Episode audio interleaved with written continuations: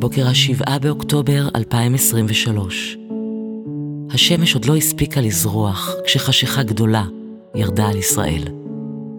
אורות באפלה מביא את סיפוריהן של הנשים הגיבורות מאותו היום בו האדמה נצבעה באדום.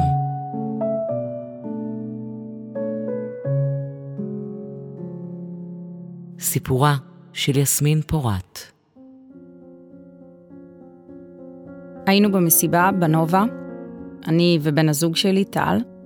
בסביבות שש וחצי בבוקר פתאום התחיל מטח טילים מטורף. טל נורא נלחץ, אמרתי לו, זה כולה קסאמים, בוא נשכב על הרצפה, יהיה בסדר.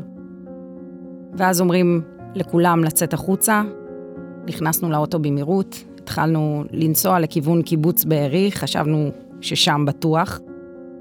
אנחנו נכנסים לתוך הקיבוץ, פוגשים בכיתת הכוננות שאומרים לנו, יש חדירה של מחבלים, כדאי לכם לעוף מפה. אנחנו מגיעים לשער הקיבוץ והוא סגור. טל מציע שניכנס לאחד הבתים, אנחנו דופקים על דלת ביתו של זוג כבני 70, הדס ועדי דגן. טל בהתקף חרדה מטורף, אני די קולית. אנחנו מסבירים להם שהגענו מהמסיבה, מבקשים להיכנס איתם לממ"ד. הם מסכימים ומכניסים אותנו אליהם. אנחנו יושבים שם יחד עד בערך אחת, רואים טלוויזיה, מבינים שאנחנו החדשות. עדי והדס מקבלים כל הזמן הודעות ברשת הקיבוצית, נכנסו לבית הזה ועכשיו לבית ההוא. עד שהדס אומרת לנו, אני רוצה שתישארו רגועים, אבל המחבלים בבית לידינו. ואנחנו שומעים יריות ממש קרובות. אני כותבת הודעות פרידה לשלושת הילדים שלי. טל ואני נכנסים לתוך ארון בגדים וסוגרים על עצמנו. מזיעים, מחזיקים ידיים אחד לשני. לא עוברות חמש דקות, ואנחנו שומעים מחבלים שמגיעים לדלת הממ"ד, דופקים עליה, יפתח אל-באב. עדי מחזיק את הידית ולא נותן להם להיכנס. זה נמשך כך כשעה, ואז הם זרקו רימון פנימה. היה פיצוץ אדיר. אני שומעת את הדס מתחננת על חייה. תעזבו אותי, בבקשה. הדס ועדי נלקחים. לא עוברות שתי דקות, ושלושה מחבלים עם קלצ'ניקובים פותחים את הדלת של הארון ומוציאים את טל ואותי. הם היו לפחות עשרה מחבלים, מלווים אותנו לבית הסמוך. אנחנו מגיעים לבית שיש בו פינת אוכל ארוכה מאוד. יושבים שם בערך 12 איש מהקיבוץ. אחד שוכב מת בכניסה לבית. עוד אחד, בערך בן 50, ירוי בירך, שוכב על הרצפה. ושני טינג'רים, בן ובת בני 14-15, מבוהלים. מסביבנו כ-40 מחבלים בחצר, בבית. אני, בקור רוח, מתחילה לדבר איתם. אחד ידע עברית. אמרתי לו, בבקשה, אל תהרוג אותי, אני אימא לשלושה ילדים. הוא אמר לי, תסתכלי עליי טוב, אנחנו לא נהרוג אתכם. אנחנו רק רוצים לקחת אתכם לעזה.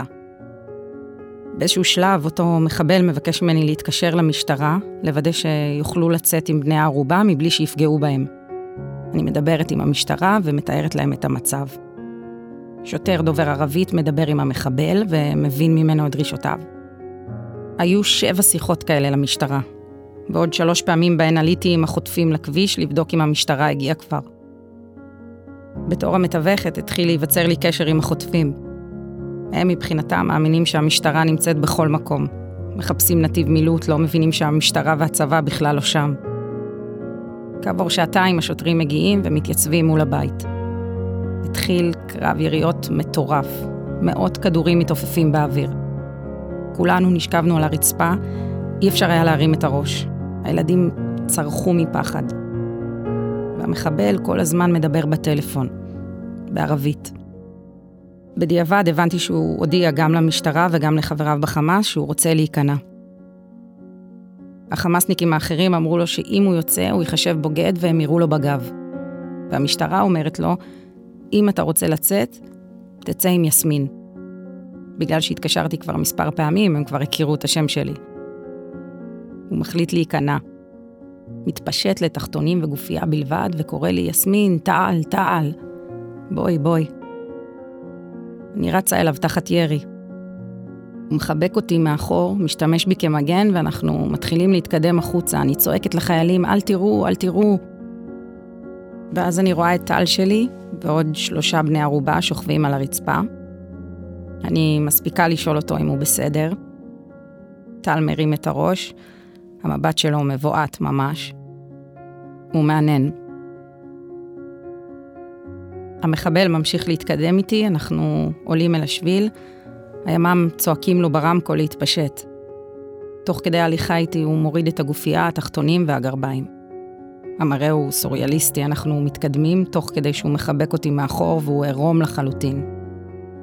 אנחנו מגיעים לכביש, עשרים צלפים עם רובים מכוונים אלינו, ואני צועקת להם, בבקשה אל תראו בי, אני מתחננת. התנהלו ביניהם חילופי דברים בערבית. פתאום המחבל נותן לי דחיפה קלה לכיוון השוטרים. השוטרים תופסים אותי, ומיד תופסים גם אותו. אני ניצלתי, אבל טל נרצח. עדי גם. הדס אשתו שוחררה כעבור מספר שעות, פצועה ועלומה.